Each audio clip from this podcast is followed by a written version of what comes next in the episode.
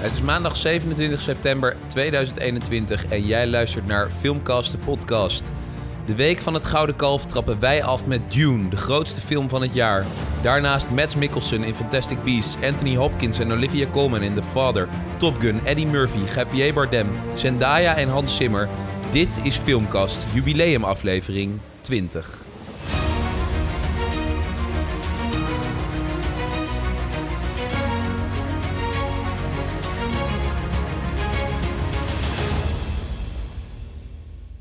Ik vind dus dat we designated microfoons moeten gaan doen.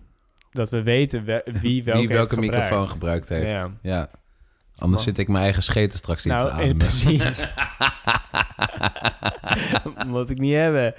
Welkom bij aflevering 20. 20. Een jubileumgetal. Een jubileumgetal. Een hele speciale podcast voor jullie vandaag, want we hebben een film gekeken. En niet zomaar een film. Maar toch wel eentje die beter was dan Reminiscence van de vorige keer. Was ook niet zo moeilijk. Nee. Nee. Maar deze film stond al heel lang heel hoog op ons lijstje. Ja, en, dat, Eindelijk en kwam waarom die uit. kwam dat eigenlijk? Volgens mij gewoon puur omdat we bij Tenet al hoorden dat Hans Ja, Zimmer er niet dat, bij zat. Dat is het. Want Hans Zimmer zat niet bij Tenet omdat hij een ander, andere film toen ging doen. Ja, en Wat nu blijkt dat ze ze uiteindelijk prima allebei had kunnen doen, maar dat wisten we toen er nog zat niet. zo ontzettend veel tijd tussen. Ja. Maar wat je krijgt, Hans Zimmer maakt dus de muziek van de films. Ehm, en Ja. wat je dan krijgt als Hans Zimmer tegelijkertijd twee films gaat maken, is dat de muziek veel te veel op elkaar lijkt. Zo heeft Ja. hij bijvoorbeeld in 2002, 2003 heeft hij Gladiator en Pirates of the Caribbean gemaakt. ja. Alleen die, die filmmuziek lijkt gewoon vreselijk op elkaar. Klopt. Als ik de Gladiator zit te kijken, dan hoor je gewoon precies diezelfde tunes als van Pirates. En op wel zich- dat hij daarvan heeft geleerd, want dat merken we nu wel steeds minder. Daar, je merkt wel dat het Hans Zimmer is. Dus het zijn niet per se echt dezelfde klanken of zo. Maar Nee. hij heeft wel een bepaald ritme wat hij steeds in elke film bouwt. Ja. En ik vond, het wel, vond deze wel meer lijken bijvoorbeeld op Interstellar. Hoezo? Qua welke, nou, qua de muziek die hij gebruikte. Omdat het En overweldigend er, er zit is. een, ja, dat, dat, dat ook. En misschien ook omdat het, het verhaal een beetje erop Ja. lijkt. Maar inderdaad, hij maakt eigenlijk heel veel films met Christopher Nolan. Dus Interstellar, Inception, de Batman-trilogie. ik weet niet of hij ze allemaal heeft gedaan. Maar Ja, ik, ik geloof eigenlijk dat hij altijd ja, tot nu al, al, dat ze al, alle, al die films samengemaakt hebben, ja. Maar toen kwam eh Tenet en toen kon hij opeens niet. Nee. Eh, en wie, wie heeft Tenet toen wel gemaakt? Ludwig Gurris, eh, Gurriksen, dat Ja, en een dat goede was vriend een van Hansje. Vriend van Hans. Ja, Hans had hem aan, aanbevolen Ja, bij... best wel een eh, goeie. Hij maakte onder andere ook de muziek voor The Mandalorian. En dat is ook best wel Oh. een goede tune. Nou, Maar- en het grappige is dus dat ze alle twee proberen ze wel iets unieks in die muziek te brengen. Juist. Iets, een relatie die het ook heeft met de film. Zoals bij Tenet, daar ging het, de helft van de film ging achterstevoren. Ja. En werden ook delen van de muziek achterstevoren Ja, afgespeeld. Hebben we nog steeds niet gezegd welke film we dan hebben gezien. Want waarom Wij. kon Hansje eh, niet Tenet doen? Ja, omdat hij Dune ging doen. Hij ging Dune doen. En Dune is eigenlijk een film die is al in, ergens in 1970 ook al een keer gemaakt. Ja. Toen eh, heeft hij helemaal geen hoge recensies gekregen.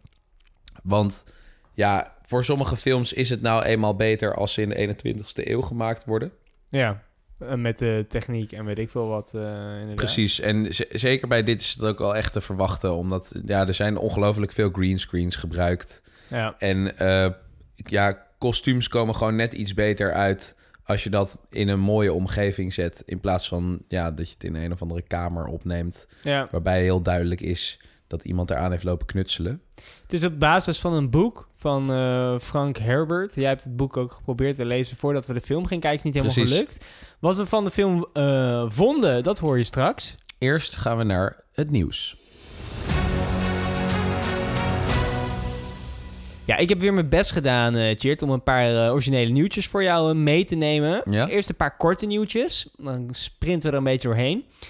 Fantastic Beast is al een film waar we eigenlijk een tijd niks meer van hebben gehoord. Vorig is ook alweer van een aantal jaar terug, Ja, maar wanneer was dat? 2018 of zo? lang geleden.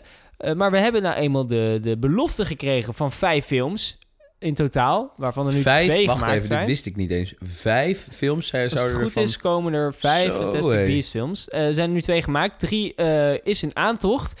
En die heeft nu eindelijk een titel en een datum gekregen. Want, maar we, ja, we wisten natuurlijk wel dat hij in aantocht was, maar we wisten nog niet, totaal niet hoe lang we erop zouden hadden moeten wachten. Nee, en ook door corona is dat uh, natuurlijk uh, vertraagd. En daarbij was nog een belangrijk aspect, wat ik denk dat heel gunstig is voor deze film geweest.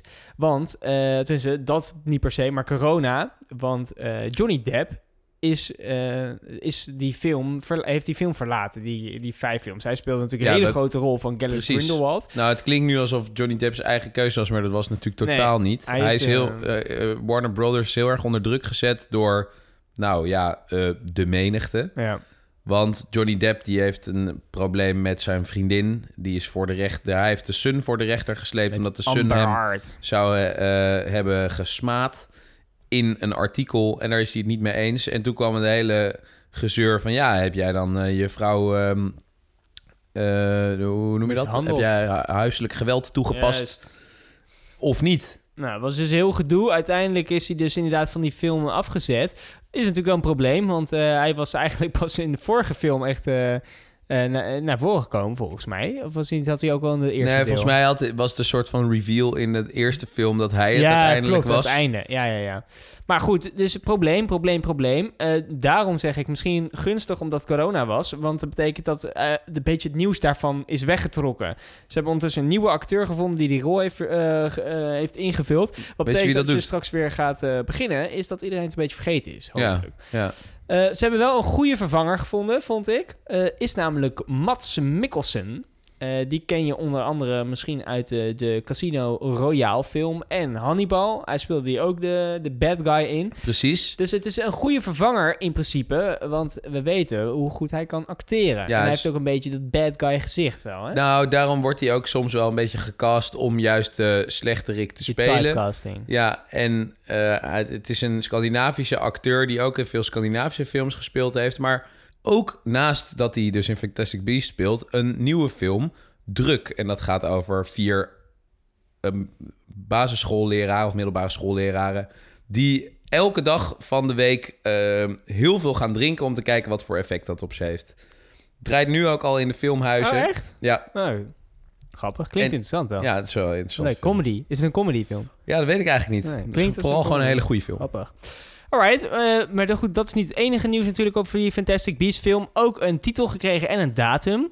Datum uh, is naar voren geschoven. Eerst was het juli, nu is het april 2022. Zo. April uh, de 15e. Dus, Met de verwachtingen dat alle bioscopen weer lekker open blijven. En dat, zo. dat denk ik. de titel Fantastic Beasts en The Secrets of Dumbledore.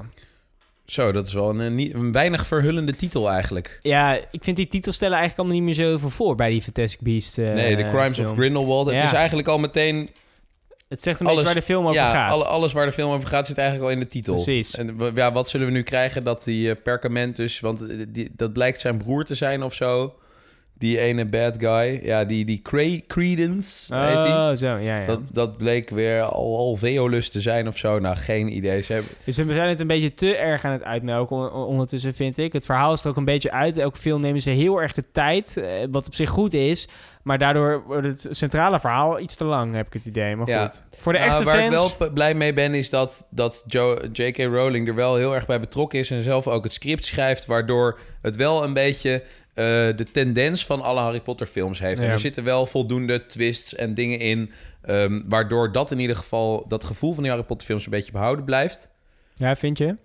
Nou ja, ik, ik, ik, uh, vervelender is als een, in één keer een hele andere schrijver ermee aan de haal gaat... die ja, eigenlijk helemaal geen gevoel had. Ja, ik vind het dat... Uh, ik, ik, had het bij de vorige film al niet meer helemaal dat Harry Potter gevoel. Een beetje, het is een beetje... Heel duister. Het gaat meer om... Uh, ja, ik vind het verhaal is niet heel sterk. Dus ik ben heel benieuwd naar deze film. Het is een beetje voor mij een kantelpunt van... Nu gaan ze weer de goede richting op en er gebeurt weer wat. Of het komt eigenlijk niet meer echt goed met deze serie. En het is een beetje... Mwah. Nee, dat kan. Ik, er, er is natuurlijk tussendoor ook heel weinig om uh, het enthousiasme weer omhoog te krijgen. Want bij ja. die films van Harry Potter was het continu van... oké, okay, er is een nieuw boek en we gaan het boek verfilmen... en iedereen heeft het boek gelezen en gaat het nog een keer lezen en dit, dat. Dat is er nu allemaal niet. Er, er zit niet echt een, een hele wereld omheen. Het is gewoon, die film wordt één keer in de drie ja. jaar gedropt... dan gaat iedereen erheen. En dan vergeten ze het weer. Ja, wel allemaal door dezelfde makers als de voorgaande films. Dus David Yates, die gaat hem eh, gewoon weer eh, regisseren. Eh, dus ik ben benieuwd naar, naar deze film. Maar goed, dus al sneller dan we dachten. Ik bedoel, begin volgend Ja, jaar ik, zou je ik, kunnen ik zeggen. denk, het is vooral gewoon voor de, voor de fans die een beetje nog die in die atmosfeer willen blijven, zijn het hele leuke films. We hebben Ja. laatst nog op mijn ik- televisie, ik weet niet of jij daar toen bij was, nog een deel van, van Fantastic Beasts gekeken. Ja, je krijgt wel weer, zeker met die muziek en zo, Ja. je krijgt toch wel...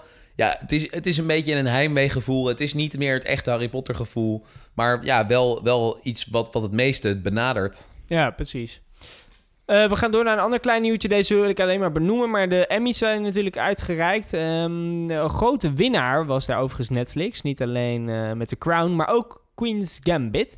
Ehm, Queen's Gambit heeft 11 Emmys gewonnen. En voor veel mensen is dat dan een reden... wanneer komt seizoen 2 of 3 of 5 of 8? Ja, maar ik, ben dus super blij dat deze makers van eh The Queen's Gambit hebben gezegd... we houden het bij één seizoen. Het Oh, ja? verhaal is af. We Oh, hebben dat alles verteld mooi. wat we willen vertellen. Het is mooi geweest. Het zijn zeven afleveringen. Zo, dat is best wel bijzonder in deze ja, tijd. dat is best wel bijzonder. En ik vind het eigenlijk heel prettig. Want het verhaal was ook af. Ik heb hem helemaal gezien. Het is een super goede serie. Het verhaal is echt... Is goed over nagedacht. Zeven afleveringen, niet te veel, niet te weinig. Komt helemaal het verhaal vertellen. Dus als we het nu zouden gaan uitmelken... wat eigenlijk die maker zelf ook al zegt... dan kunnen we het alleen nog maar verpesten... wat we dus in het eerste seizoen hebben gedaan. En dat vind ik heel positief. Dus eh, dat vond ik een heel goed eh, positief nieuwtje... wat even tussendoor mag. Als je heel erg fan was van de serie... dan is het misschien jammer omdat er geen seizoen 2 komt. Maar daarmee betekent wel dat ze dus het niveau eh, hoog houden met seizoen 1. Ja, en dat betekent dus wel weer dat je de, de filmmakers en de mensen die erin spelen weer kan volgen bij andere televisieseries waar ze misschien veel beter op hun plek zijn dan bij een, bij een, eh, bij, bij een serie die Ja. maar door en door en door blijft gaan. Ja, precies. En die maker die heeft ook al gezegd... ik ga graag met dezelfde cast... of met veel van de, van de, van de, van de mensen die erin hebben gespeeld... een nieuwe serie maken. En daar stond iedereen eigenlijk heel positief tegenover. Dus wie weet eh, zie je iedereen terug in een andere soort serie... eh, met, met, met dus dezelfde mensen. Hm. Ander nieuwtje. Als je Amazon Prime hebt, Amazon Prime Video... dan ben je misschien, nou ja, een paar maanden geleden... tot, tot het heden helemaal kapot gegooid met Coming to America 2. Of Coming 2 America. wat is dat? Eh, is een film van Eddie Murphy. Eddie Murphy Ja. is natuurlijk heel lang een soort van eruit geweest. En heeft Mhm. toen samen met eh, Amazon eh, Coming to America gemaakt. Een deel 2 van eigenlijk zijn hele populaire film van... Nou, wat is het? Jaren 80, die eerste. Echt al wel een tijdje geleden. Wat heeft Eddie nou voor elkaar gekregen? Want blijkbaar was Coming to America een mega populaire film. Ehm, echt een van Amazon's eh, nummer 1 streams eh, ge- geweest afgelopen jaar, maar ook eh, in totaal. En Amazon dacht, die moeten we niet meer kwijt. Dus wat heeft hij gedaan? Hij heeft een eh, first look deal en meteen ook drie filmdeals bij Amazon eh, gemaakt. Eh, wat betekent dus dat, dat Amazon best wel wat geld over heeft voor deze man. En dat hij dus ook nog wel weer wat meer gaat maken. Wat misschien goed is voor de comedy op het platform. Want Eddie Murphy is natuurlijk wel een, een grappige man. Heel veel mensen denken ook, waarom doet hij het nou? Vindt hij het oprecht weer leuk om dingen te maken? Of is zijn geld gewoon bijna op? Want wat wel weer opvallend is, is dus dat hij begonnen is met Coming to America 2 bij Amazon. En dat hij nu eh, Beverly Hills Cop 4 gaat maken. Waar er dus al drie films Oh, van jee. zijn. En daar komt dus nu een vierde. Dus hij gaat wel een beetje door op films die die... eh, die, die eh, waar de, nou, ja, het is natuurlijk wel, wel weer... de- het is een beetje de makkelijke weg, om eerlijk te zijn. Je gaat gewoon door op iets wat blijkbaar getest is... en bewezen heeft dat het voldoende geld oplevert. Ja, precies. Ja. Ja, ik, eh, ik, ik, ik weet niet. Ik heb eigenlijk nog nooit echt een, eh, een- een film met die Eddie Murphy gezien. Heb je Shrek gezien? Ja, daarin was hij de donkey. Ja, dat was wel goed. ja, ja, ja. ja. Ik ben ook wel fan van, eh, van Eddie Murphy. Ik vind het alleen wel jammer inderdaad dat, ehm, dat ze een beetje een- bestaand concept aan het uitmelken zijn. Want hij doet ook dus heel veel behind the scenes. Hij is niet alleen maar speelt hij in de films. Hij schrijft ook veel en, nou, noem maar op. Dus ik denk hij kan best wel zelf ook iets nieuws verzinnen, zou je zeggen. Maar goed, hij houdt het dus vooral nu nog bij... maar die eh, Coming to America, is dat niet ook een beetje... Komt dat niet ook echt uit zijn koker? Ja, dat zou heel goed kunnen, inderdaad. En eh, deel 1 was eh, inderdaad in 1988 super populair. Heeft echt heel veel geld opgebracht. ehm, ri- richting 300 miljoen dollar. Wat voor een comedy dus echt heel veel geld is. En deel 1, ja, daar maken ze al geen geldcijfers over bekend. Omdat het dan op de streaming is ge- gekomen natuurlijk. Maar het was dus ook heel erg populair. dus Ja. we, kunnen, we kunnen nog het een en ander verwachten van Ik- deze man. Ik zie hier wel dat Coming to America, die is al wel gewaardeerd op IMDb. Hij heeft gemiddeld een 5,3. ja, maar met comedies is het sowieso heel moeilijk om hoog te Ja, het is een beetje een tough crowd natuurlijk. Ja, een grap kan landen of het kan niet. En dan, Precies. ja, dan ben je alweer snel af. En ik denk dus dat mensen, of zeg maar de, de bedrijven met streaming services, denk dat ze minder geven om wat een film nou scoort. Omdat mensen... Als er maar gewoon veel mensen ja, naar kijken. zolang maar veel mensen naar kijken. Ja. Het is heel laagdrempelig. Aan de andere kant is het natuurlijk wel zo als veel mensen er naar kijken en ze vinden hem leuk, dan heb je ook weer een grotere kans dat ze naar een vervolg kijken. Is ook zo, maar ik denk dus bijvoorbeeld bij mensen zoals Eddie Murphy, als je dan die eh, thumbnail van al die eh, series die je kan kijken op Amazon en je ziet dus een bekende kop ertussen, bijvoorbeeld de kop van Eddie Murphy, dan klik je daar heel snel op, want dan denk je, oh, Eddie Murphy, dat zal wel grappig zijn. Dus denk ik ook dat ze, nou, dat misschien daar een beetje naar wordt, eh, naar wordt gekeken van wat is, wat is handig Ja, en dat hoeft niet eens wel. goed te zijn. Ja. Goed. Nou, wat minder eh, nieuws, daarmee sluit ik het af. Nou ja, wat minder nieuws. Het is maar hoe je bekijkt. Eh, heel veel films worden nu naar voren geschoven en komen nu toch uit, hè, omdat de COVID schijnt een beetje weg te zijn. Eén film waar we ook wel naar uitkeken, die is helaas vertraagd. Dat is Top Gun Maverick, is Dat weer je naar niet. achter geschoven. Naar waar? En Mission Impossible 7, die stond ook nog niet binnenkort gepland, maar is ook, naar Ook nog. achter. Allebei met Tom Cruise. Ja, Was ze zouden eigenlijk november dit jaar uitkomen. Eh de, tenminste de eerste. En mei volgend jaar eh, Mission Impossible. Maar zijn nu met enkele maanden uitgesteld. Dus dat is wel jammer. Ze weten Ja, want november is op zich wel een, goede, een goed moment om een grote film uit te brengen. Maar zijn ze dan bang voor concurrentie van de andere grote dingen? Nee, eh, ze, ja, nee, ze zeggen dus inderdaad... eh, de, de coronacrisis is eh, nog echt een, een punt. En ja, heel veel bioscopen in, in bepaalde landen hebben nog steeds de deuren dicht. En daarom zeggen ze eigenlijk... Nou, dat willen we dan... willen we eigenlijk niet nu uitbrengen. Dus dat is... Nou ja, misschien verstandig. Aan de andere kant, ze verwachten dan dat de coronacrisis dus voorbij is op dat moment. Terwijl we hebben dan weer een hele winter gehad. Ja. Ja, hij, ze kunnen niet uiteindelijk eh, eindeloos blijven uitstellen. Wat ik wel een mooie ontwikkeling vind, is dat eigenlijk sinds het hele verhaal met eh, films tegelijkertijd op streamingsdiensten en in de bioscopen uitbrengen, Ja. dat er nu heel veel films worden aangeprezen met only in cinemas, only in cinemas. Dus het heeft wel weer eh, een effect gehad. Is er ergens wel zo, maar ik hoor toch ook van heel veel van dat soort films... dat die gewoon dan een maand later al wel alweer op zijn stream Ja, ja, oké. dus het zal dan wel weer is allemaal iets heel reclame te maken hebben. Ja. Oké. Maar ik ben het helemaal met je eens liever eerder in de bioscoop. Ja. Dus, eh, ja, Hey, en verder heb ik ook een tragisch nieuwtje. Oei. Ik heb namelijk ehm, ja, iets eh, gedaan waar jij niet zo blij mee bent.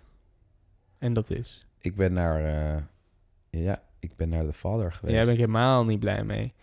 Ja, dat was sorry. ook nog een grap is dat ik tegen jou heb gezegd... deze film moeten we gaan kijken, Ja, en toen was ik nog heel sceptisch van, Ja. ah nee, joh, kijk doen, wel hoor. een keer op internet, eh, dit, dat. Godverdorie. Ja, maar ik dacht, ik, ik, had, ik had nou die, ja, jij hebt mij overtuigd om die, om, die, om die pas te nemen, waarmee we onbeperkt naar de films Precies. kunnen. Moet je wel uithalen. En ja, en toen, toen draaide die toevallig net op een moment dat ik eigenlijk al in, bijna in de bioscoop zat.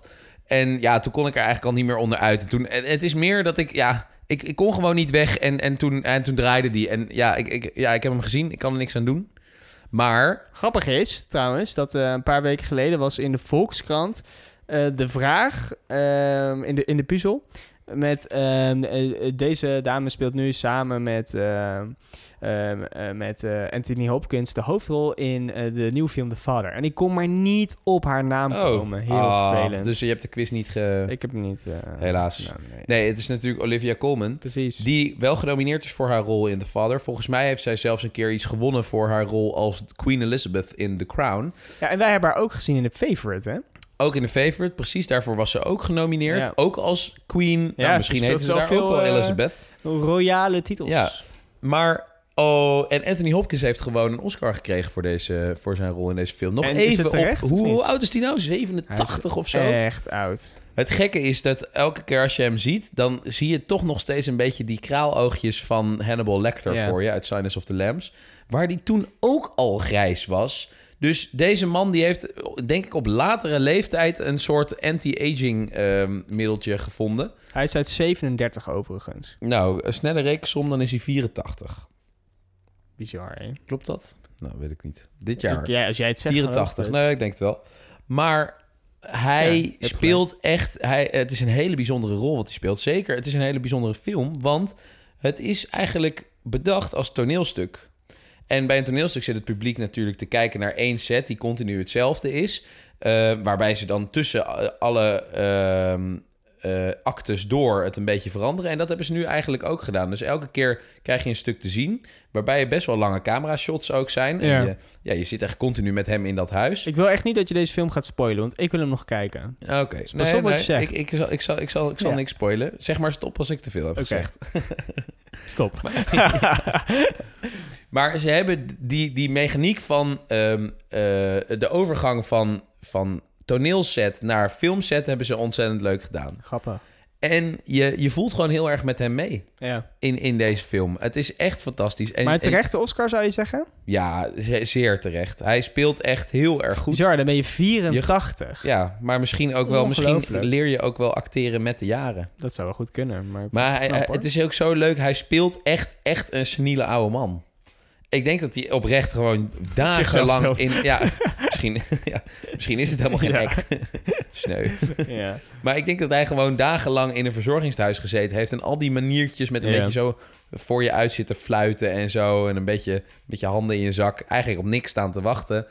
Ehm, het, ik kon er echt geen genoeg van krijgen. En toen was hij afgelopen. Jammer. Ja, maar een van de weinige films waarbij ik echt nog op de weg terug continu alleen maar eh, aan, aan dat eh, toneelwerk heb zitten denken. gelaten? Want het schijnt best wel een emotionele film te Ik zijn. heb, ik heb, er is een klein, een klein. Eh, ik ben benieuwd. Ik ga hem zeker Door de nog mensen kijken. naast mij, hoor. Door de mensen- Ja. Als het nattig in de zaal kan gebeuren. Alright. Nou, eh, zeker de moeite waard. Dit is denk ik een aanrader die we de mensen mee wilt geven. Absoluut. Ja. Ga echt deze film kijken. Hartstikke leuk. Misschien wel beter als de film die we hebben gezien, al zal dat lastig worden. We gaan het hebben over... Over Dune.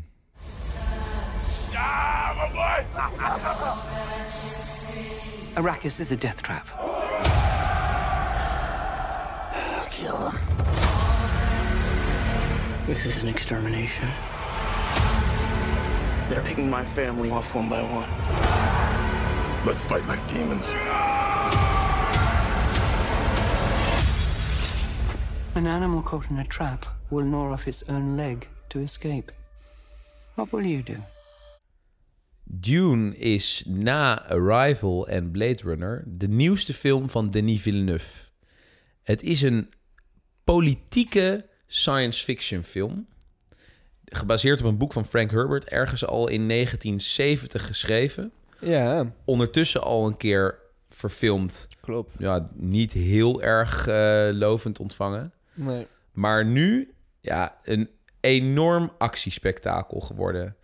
Een enorm lange film ook. Ze hebben de helft Ja. van het eerste boek verfilmd.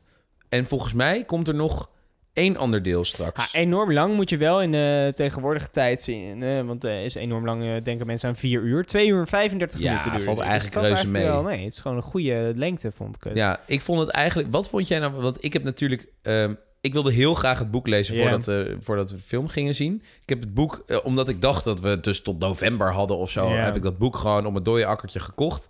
En toen bleek in één keer dat we de week daarna al naar de film gingen. Toen heb ik elke dag 75 pagina's Echt gelezen. veel, ja. Toen ben ik uiteindelijk tot ongeveer pagina 400 gekomen. En nou ja, toen, toen moesten we al naar de film. Dus ik heb het denk ik de laatste 10 minuten van de film... die had ik toch niet gelezen.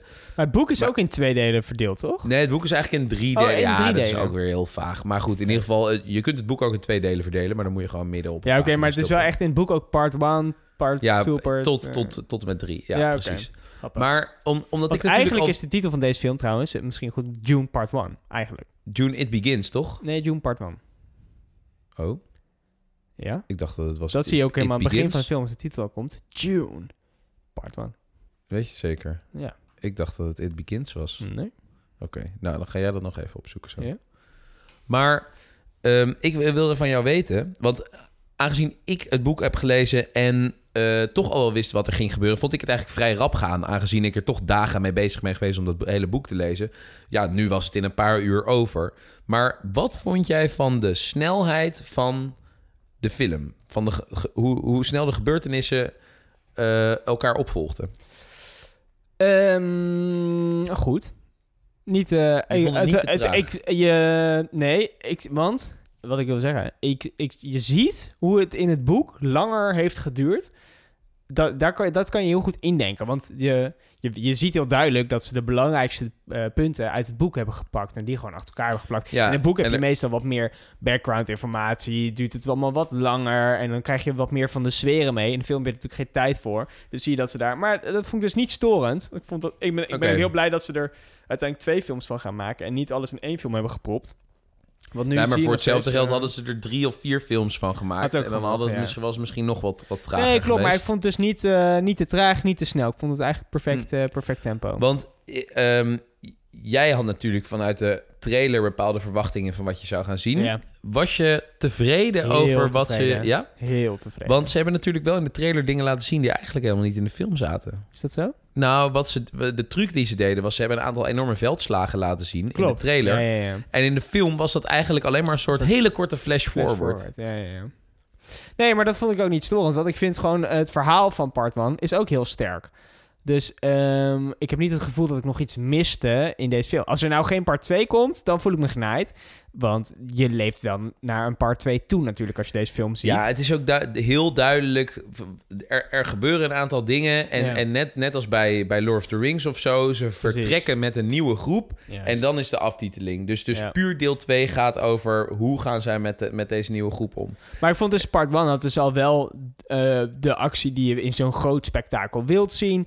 Heel sterk, eh, sterk verhaal. En ja, alles wat erin zit wat je in een standalone film zou willen zien, zit er ook in. Ja, Alleen duidelijk absoluut. met een heel erg open einde en introductie naar meer. Ja. Maar het is niet dat je puur 2,5 uur naar iets zit te kijken wat uiteindelijk niet echt gebeurt. Nee. Dat had ik een beetje met de Avengers film voor Endgame. Zat Infinity nog wat? Dat was heel erg introductie naar... Ja, dan worden echt de, de En- blokken worden heel ja. langzaam En opgebouwd. alles gebeurde in het in volgende deel die, die toren helemaal omgooien. Precies, maar en dat, en dat vind ik dus bij deze film wel weer meevallen. Ja, ja. Heb je het idee dat je het helemaal begrepen hebt? Alle, alle, alle dingen en motieven en waarom het een en ander gebeurt? Nou, ik heb natuurlijk bij jou even kunnen dingen wat kunnen checken met, eh, met het boek. Dus dat heeft me wel enorm geholpen. Een paar van die dingen. Ik heb hem ondertussen voor de tweede keer ook gezien. En toen vielen er al wel weer wat meer kwartjes op zijn Oh, plek dan eh, de eerste keer.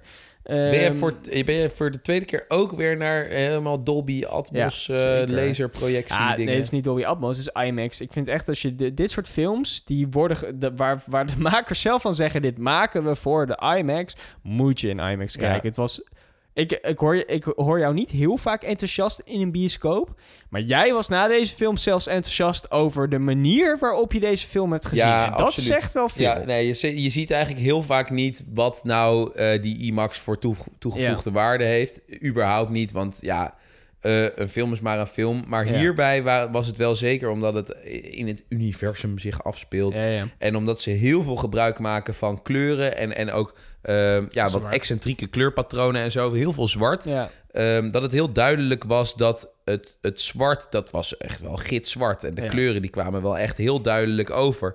Ehm, waardoor ik had het idee dat ik naar een OLED-scherm zat te kijken. Ja, echt en, heel dat, en ik heb nog nooit bij een IMAX laserprojectie zo duidelijk dat gezien.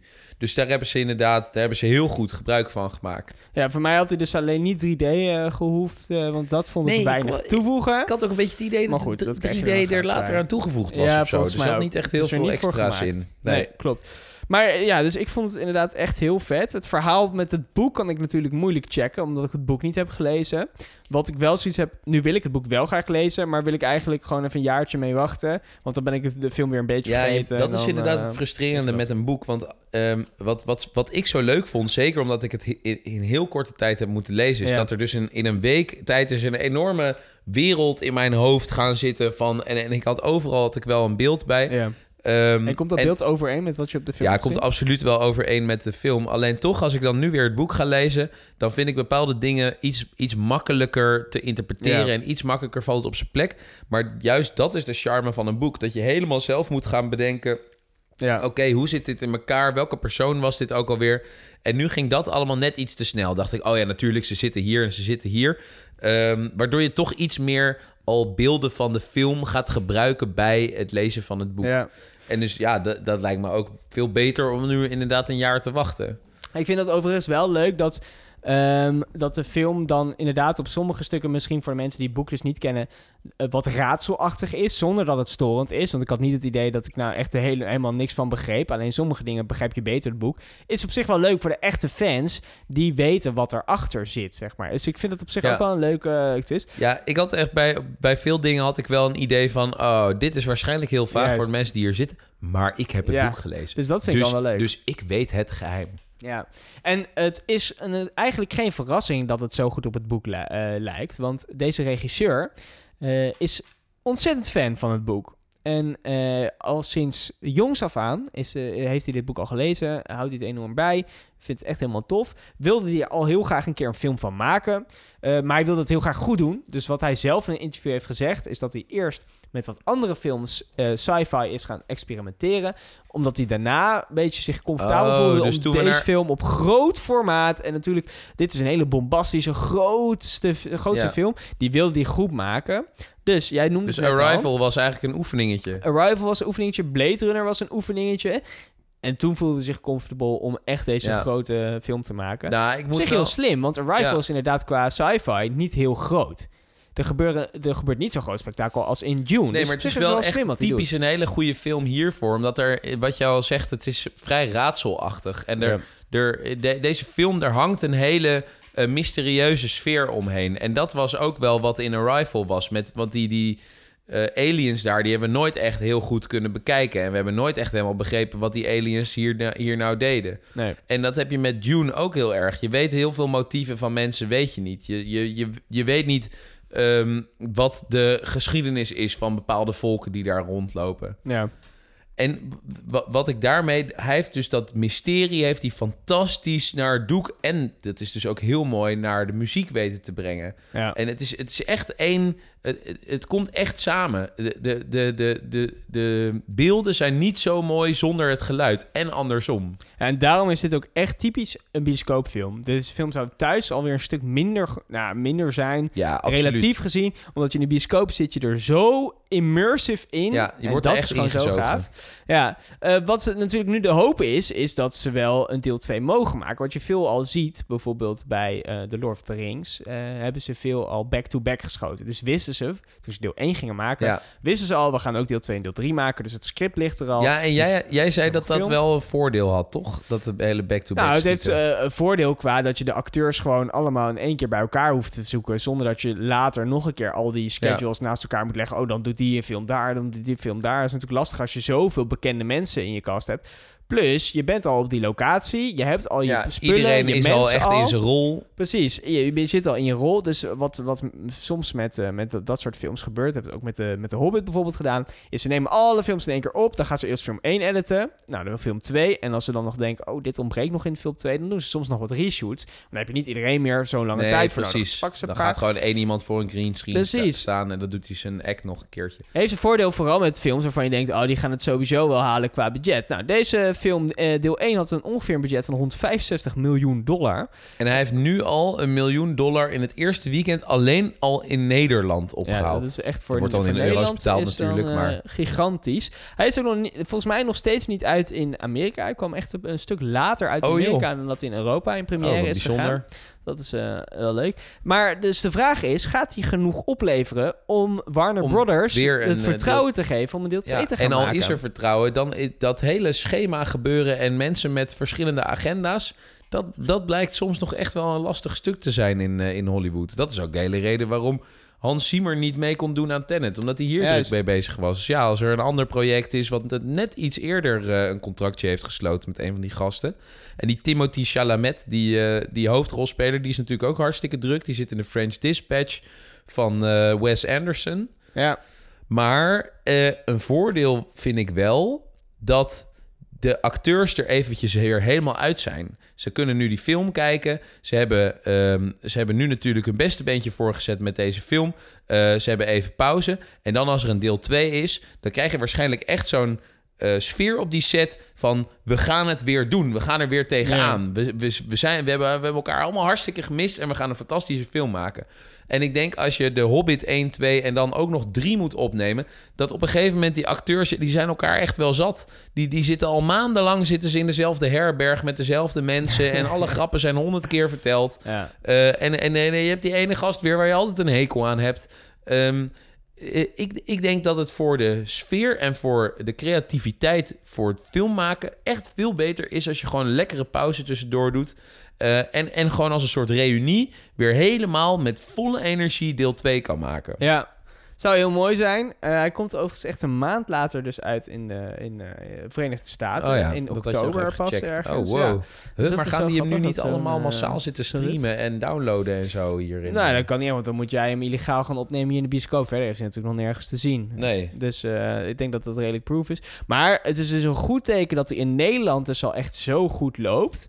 Eh, er is ook trouwens genoeg marketing voor gemaakt. Want je ziet hem best wel eh, veel langskomen Ja? als trailer. Ehm, maar dat belooft veel goeds. Dus als het in Amerika ook goed loopt... en ook in de andere grote eh, filmmarkten, bijvoorbeeld China, ook goed loopt... dan heb je de kans dat er een deel 2 eh, komt. Maar omdat deze deel 1 zo erg hint naar een deel 2... is het best wel frustrerend dat je, Dat- dat je- weet dat je minimaal nog 1 A2... Ja, want Ah, ze moeten jaar nog helemaal wachten. maken. Het, Ja. is, het, is, het is niet zo dat ze nu al bezig zijn of zo. Dat je een beetje kan voorspellen hoe. hoe Nee, ik ben benieuwd of hij bijvoorbeeld het script al heeft geschreven. Of in ieder geval in zijn hoofd zal hij wel het een en ander hebben. Misschien staat het op papier. Maar inderdaad, al die Ja, pre-production... hij heeft natuurlijk het boek waar hij wel aan... eh, maar ja. Ja. goed, dat is eh, natuurlijk heel iets anders dan een filmscript en een storyboard. Precies. En alle effecten die erbij moeten. Dus het is zeker wel een project, nou zeg, van minimaal een jaar. Dus dat betekent dat je hem ergens waarschijnlijk in 2023... Ja. op zijn vroegst een keer kan gaan verwachten. En dat is toch wel, eh wel En tot die tijd kan Hans Zimmer ook geen andere projecten aannemen. nee. Wat leuke aan Hans Zimmer is overigens wel dat hij heeft dus Tenet laten schieten voor deze film, omdat hij dus zelf ook zo enorm fan is van het boek Dune. Dus dat is wel heel leuk dat ze echt dus blijkbaar een paar een mensen waar ze echt een, inderdaad mij. een passieproject van hebben kunnen maken. En niet zomaar een passieproject, want als je dus kijkt naar de cast die hier inspeelt. Jij noemde net al een aantal eh, namen, maar bijvoorbeeld die eh, Timothy Chalamet. Eh, ook een Franse trouwens. Mhm. Eh, en eh, net zoals de regisseur. En die komt, nou, de regisseur komt dan uit Canada. Zendaya, Oscar Isaac, Rebecca Ferguson, Jason Momoa, Stellan Skarsgård. Ja, noem maar op. Josh Brolin, Javier Bardem. Javier. Javier, sorry. Javier Bardem. Oh, zei ik het echt zo? Nee, maakt niet uit. Pijnlijk. Ik, ik wist wel wie je bedoelde. Maar genoeg mensen om echt een fantastische film mee, eh, mee te maken. Eh, voor jou, wie springt er nou echt uit deze film als je naar die acteurs Nou, kijkt? wat, wat, wie er sowieso tussen uitspringt is natuurlijk Zendaya. Want zij is echt, zij is prachtig en zij heeft een hele mysterieuze rol. Ze komt maar een paar keer, er wordt een beetje naar haar gehint. Ja. Maar verder eh, he- heeft ze hier niet zo heel veel in. Dus je, je, je, ja, je, wil, je wil gewoon weten wie zij is, wie zij speelt, wie zij, wie, wie zij zal gaan zijn in de, in Ja. de, in de komende film. Eh, maar verder... Ik, is zij in het boek ook zo mysterieus, of niet? Nou, in het boek zit zij nog helemaal niet. Oh, kijk. is Nee, dat is, eh, misschien hebben ze haar er wel Echt, gewoon eh, in, inbedacht. Maar wie ik bijvoorbeeld echt heel interessant vind, is die Javier Bardem. Javier. Die ook in een Javier. James Bond film zat. Welke was dat? Zat hij niet in Quantum of Solace? Nee, nee, nee, zeker niet. Hij zat in Skyfall. Oh, toen pas. Nou ja, oké. Maar daar Ehm, speelt hij dus echt... Ik herkende hem gewoon echt niet. Het is zo bizar. Daar was hij echt Nee, zo'n hij heeft ander wel type. veel gezichten. Wel gaaf, ja. Waar ik hem dus van ken is uit No Country for Old Men. En Ja, daar precies. speelt hij echt een hele enge gast. Die met een soort druk, eh, luchtdrukfles mensen om het leven brengt. Ja. Hij, schiet gewoon, hij schiet gewoon lucht door mensen hun hoofd. En hij is hier een beetje de cool guy, hè, in deze film. Eh, ja, ook, nou ja, er hangt natuurlijk een enorm mysterie rond die Freeman, die, die mensen uit de woestijn. Dus ja, we, we weten nog niet helemaal of hij echt een cool guy is. Tot nu toe wel. Ja, precies. Ehm, maar eh, ik vind hem echt een hele goede, ingetogen acteur. ja. ehm, die he- heel veel dingen aan kan. Echt in No Country for Old Men. Het is zo'n ontzettend rare gast. Overigens echt een fantastische film. Ook nog een aanrader. Ik vond bijvoorbeeld eh, Oscar Isaac, die heeft normaal een beetje van die Nou ja, ik vind hem niet zeggende rolletjes. Bijvoorbeeld in Star Wars heeft hij ook weer zo'n beetje een niet ja, is- rolletje. ja, ik vind hem een beetje zo'n typische, eh, een, be- een beetje een bijrol. Ja, maar ik vind hem in deze film dus best wel echt wel goed. Omdat hij ook best wel veel lijkt op die Timothy. En hij speelt natuurlijk zijn vader. Mhm. En hij heeft echt in deze film met ook zijn baard echt zo'n koninklijk, koninklijke uitstraling. En dat vind ik wel, heeft dat, eh, daar is hij wel heel goed voor gecast, moet ik zeggen. Hij past heel goed in Ja. die rol. Nee, dat vind ik ook wel. Ja, en hij, hij lijkt ook wel een beetje op die... eh, in Star Wars is hij een piloot en hier zit hij ook eigenlijk vrij vaak zit hij in een vliegtuigje. Eh, maar het grappige is dus, hij heeft ook in Ex Machina gespeeld... waarbij hij een of andere uitvinder speelt... die ehm, een vrijwilliger een robot laat testen... om te kijken of die robot wel menselijk genoeg is. En dan hangt er ook een hele mysterieuze sfeer om hem heen... waar, eh, waar hij allemaal bijbedoelingen heeft en weet ik veel... Eh, daarin speelt hij wel weer heel goed... en heeft hij best wel een, een prominente rol in die film. Dus ehm, ja, in de ene film is hij een be- hangt hij er een beetje bij... en in de andere film heeft hij een grote rol. Wel jammer dat hij waarschijnlijk niet in deel 2 zal zitten... tenzij het met een flashback is of zo. Spoiler alert. Mag ik dat niet zeggen? Je mag wel, Zullen we dat wel? Zullen we dat uitknippen? Nee, nee, laten we lekker in. Mensen moeten weten. Eh, wie ik ook goed vond, was Stellan Skarsgård. Stellan Skarsgård. Ja, hem herken je ook gewoon niet. Nou, ik herkende zijn stem dus best wel goed tijdens die film. Dat was het eerste grappig. wat jij zei, ja. Ja, maar deze man die kan ook eigenlijk elke rol spelen waar je hem in gooit. Mamma Mia zat hij in en June zat hij in, maar ook Good Will Hunting. Ik kan hem overal inzetten. Het is een goede film. En maar Überhaupt hier een goede familie natuurlijk, hè? Dit is hier helemaal niet de Bill uit Mamma Mia. Hij is- hij is het gewoon echt... Hij speelt helemaal anders. Hij speelt echt heel dreigend en een eh, gave stem heeft hij ook in deze film. Vind ik sowieso vet dat ze dat met die stemmen echt... Ik hou heel erg van bijvoorbeeld de stem eh, van Bane uit, ehm, uit de Batman eh, The Dark Knight Rises. Die heeft ook zo'n hele zware eh, stem die ze een beetje vervormd hebben. Dat heb je in Mhm. deze film ook met, met best wel redelijk veel Ja. mensen. Natuurlijk ook als zij The Voice gebruiken. Daarvoor moet je de film dan zien. Dan heb je ook echt zo'n lekker dreunende stem. En hij heeft ook zo'n heerlijke, ja, zo'n dragende stem. En dat vind ik echt, in de, in de film is dat fantastisch om naar te, te luisteren dan. Ja. Ja, zeker Mooi. als je naar IMAX kijkt... waar ze gewoon standaard Ja. het eh, volume Waar gewoon... je gewoon de zaal eh, uittrilt op ja. dat moment. Echt heerlijk. Daarvoor ga je naar de film ook in de bioscoop. Dan eh, kijkend naar eh, eh, de, de beelden. Wij hebben natuurlijk een IMAX gezien, dus ziet dat er überhaupt mooi uit. Maar het was sowieso wel mooi gemaakt. Want veel zal toch echt animatiewerk zijn geweest. Ja, prachtig. Het zal ongetwijfeld heel veel in de studio opgenomen zijn. Andere delen hebben ze in de woestijn opgenomen. Ehm, een, een cinematograaf heeft hier natuurlijk heel erg veel te doen. Ja. Eh, zeker ehm, buiten dan de, de, de prachtige omgeving en, en, en het hele idee van zo'n zo'n zandstad in, in Ja. de woestijn.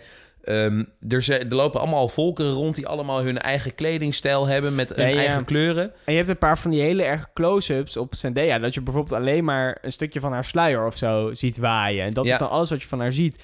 Maar zo mooi in beeld gebracht, terwijl je eigenlijk niks ziet. Dat is toch ja wel knap, hè? zeker die, die Zendaya en al die Freemen die, die in de woestijn leven. ehm, zij leven, of eh, die, die woestijn die heeft een bepaald goedje en dat heet spice. Spice. En spice is ehm, de grondstof waarmee eh, ruimte eh, eh, reizen worden, ja, worden, worden, worden gemaakt. ja. En in het boek wordt eigenlijk helemaal niet zo duidelijk wat, wat die spice is of hoe je dat kan zien. In, het was Ja. vooral meer een gevoel. Alleen ja, een gevoel uiten in beelden is lastig. En ook dat hebben ze heel interessant gedaan. Met een soort gouden glinstering die uit dat, Ja, ehm, precies. uit dat zand omhoog komt. En, en dus eigenlijk die Freeman eh omhult in, ehm, in, in die spice en, en, en in, in iets, ehm, eh, iets begeerlijks. Zij, Ja. zij hebben iets waar, de- waar die, die, wat, wat die mensen willen. En niet alleen dus die spice, maar het gaat ook om, om die mensen zelf. Die Freeman, die zullen waarschijnlijk op een gegeven moment de, de uitweg zijn voor, voor de hoofdrolspeler. Eh, omdat, hij het, omdat hij het zelf allemaal niet meer kan redden daar op die planeet. En zo, als je natuurlijk een film maakt van een boek, heeft dat überhaupt al meteen een paar hele grote uitdagingen. Zo wordt er bijvoorbeeld best wel veel eh, in een boek sowieso geschreven met wat een personage denkt. Hoe ga je dat in hemelsnaam op beeld zetten? Wat je zegt al met die spice, kan je in een boek misschien redelijk goed beschrijven, maar hoe laat je dat visueel zien? Ja, Al sowieso. deze ehm Freemen hebben blauwe ogen. Nou, fantastisch in een boek, makkelijk te beschrijven. Maar hoe zet je dat geloofwaardig op beeld? Zonder Precies. dat je een soort van aliens gaat eh, krijgen. sowieso was dit echt een enorme visuele uitdaging. Ja. Want er zijn, ze hebben enorme bouwwerken die door, door nog grotere zandwormen worden verslonden. Ehm, Dingen die nog niet bestaan, dus het is ook niet alsof het gejat is uit een andere Precies. film. In, in het boek wordt alleen maar over Thopter gepraat. Ja. En dan hebben zij, moet, hebben zij er een soort libellenachtige helikopter Heel van weten te maken. Ehm, nee, er, er moet heel lang over nagedacht zijn. Nou ja, goed, dat voorwerk is natuurlijk al gebeurd. Dus dat hoeven ze voor een deel 2 natuurlijk niet meer te doen. Eh, ik vond het in ieder geval prachtig. Het paste fantastisch bij elkaar. Ehm, het was één groot geheel. Het acteerwerk was super. Ik heb aan niemand gestoord. Ehm, ja, wat mij betreft echt een topfilm. En zelfs ook voor mensen die bijvoorbeeld niet van science fiction houden. Want het belangrijkste in deze film is eigenlijk de intrige en de po- politieke spelletjes die gespeeld worden. En ja, dat is gewoon ook herkenbaar uit de, de, de, de politiek hier op aarde. Ja. Als laatste, waar wij allebei heel erg enthousiast eh, voor waren, de muziek natuurlijk, gemaakt Mhm. door Hans Zimmer. Vond je daarvan? Was het iets nieuws?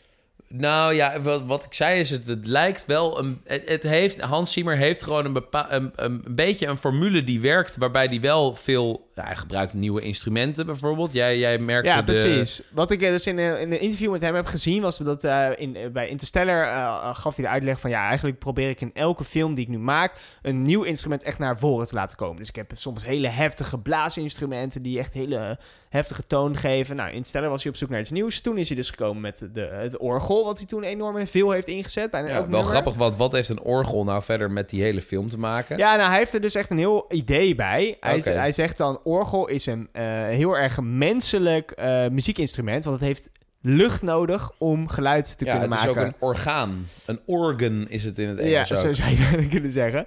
Eh, en hij zegt eigenlijk, Interstellar wordt ook aangedreven door menselijke kracht. Mensen die eh, nou, eh, de ruimte ingaan. Het ademt helemaal. En, Hm. en zo is hij dan, nou ja, heeft hij het orgel kunnen rechtvaardigen. En het past eigenlijk heel goed bij die film. Ja. Zonder dat je echt inderdaad direct die En link hebt. dat interstellar en dat ademen, dat komt dus ook weer terug in deze film.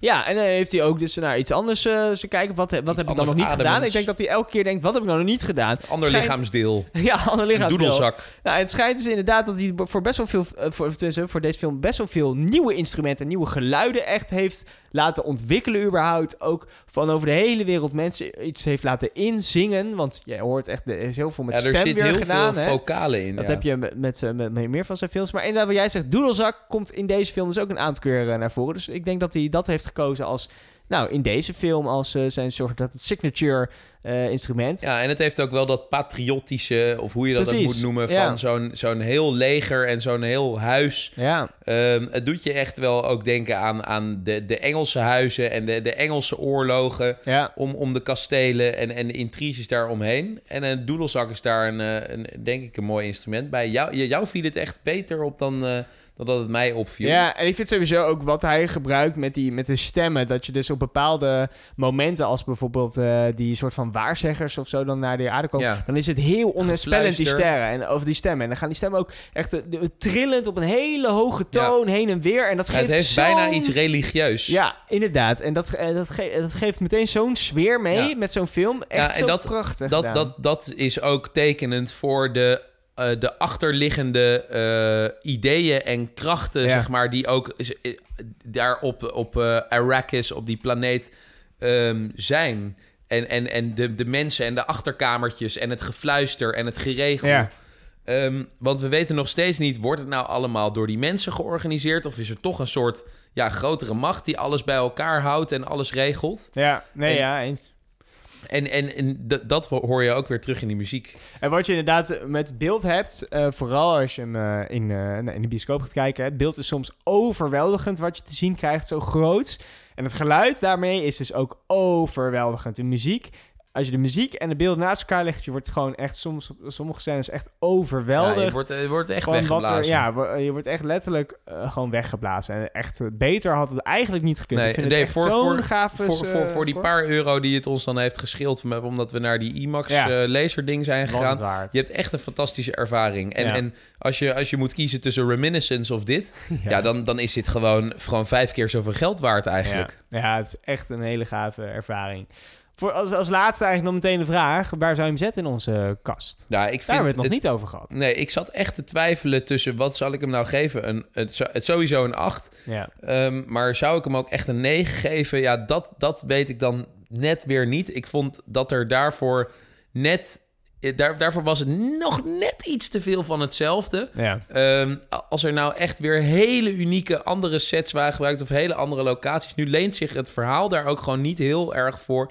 Want het lijkt allemaal op elkaar. Alles speelt zich daar in, in die zandbak af.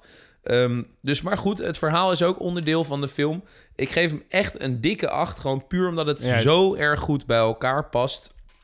En omdat het me echt heeft meegenomen. Ik zou hem ook zeker nog een keer kijken. Ehm, ehm, maar m- misschien dat, dat, dat deel 2 nog wel echt die, die kers Ja. op de taart is... waardoor die misschien toch wel echt een 9 Ik krijgt. hoop het. Ik zou hem inderdaad zelf ook op een 8,5 plaatsen, maar net niet richting die 9. Dus dan zou hij toch op een 8 inderdaad eh, terechtkomen. Maar inderdaad, met de potentie, als deel 2 echt in ieder geval dit niveau is, ja, dan gaat deel Ja. 2 al richting Ja, eh, zeker. 9. Ja, ja. maar het is ook wel... In het boek zit nog veel meer dan in de film. Dat is natuurlijk logisch, maar ook... In het boek begrijp je het ook wat beter. En daar hebben ze het nog meer over de strategieën en, en eh, het voorspellen van de tegenstander. Ja, het politieke spel komt in het boek misschien nog iets meer naar voren. Absoluut, Ja. 100 procent. Daar, daar gaat het nog veel meer over dialoog. Ja, precies. Ja, gaaf. Nou, de- dan laten we het ook hierbij. Ga jij eh, snel boeken en ga hem vooral ook kijken. Maar ook, maar kijk hem in ieder geval in de bioscoop. Bedankt voor het wel echt aan luisteren. te raden. Yes. Cheert, jij gaat eh, een week op vakantie. Ja, dus we zien elkaar pas over twee weken terug. Dan is de nieuwe podcast. Nou, fijne vakantie. Ja, dankjewel. Ik ga jullie missen. Ja, bedankt voor het luisteren. Heel snel tot daarna. En dan eh, sluit Cheert natuurlijk weer af. Tot de volgende keer. Nee. Dag. Ja.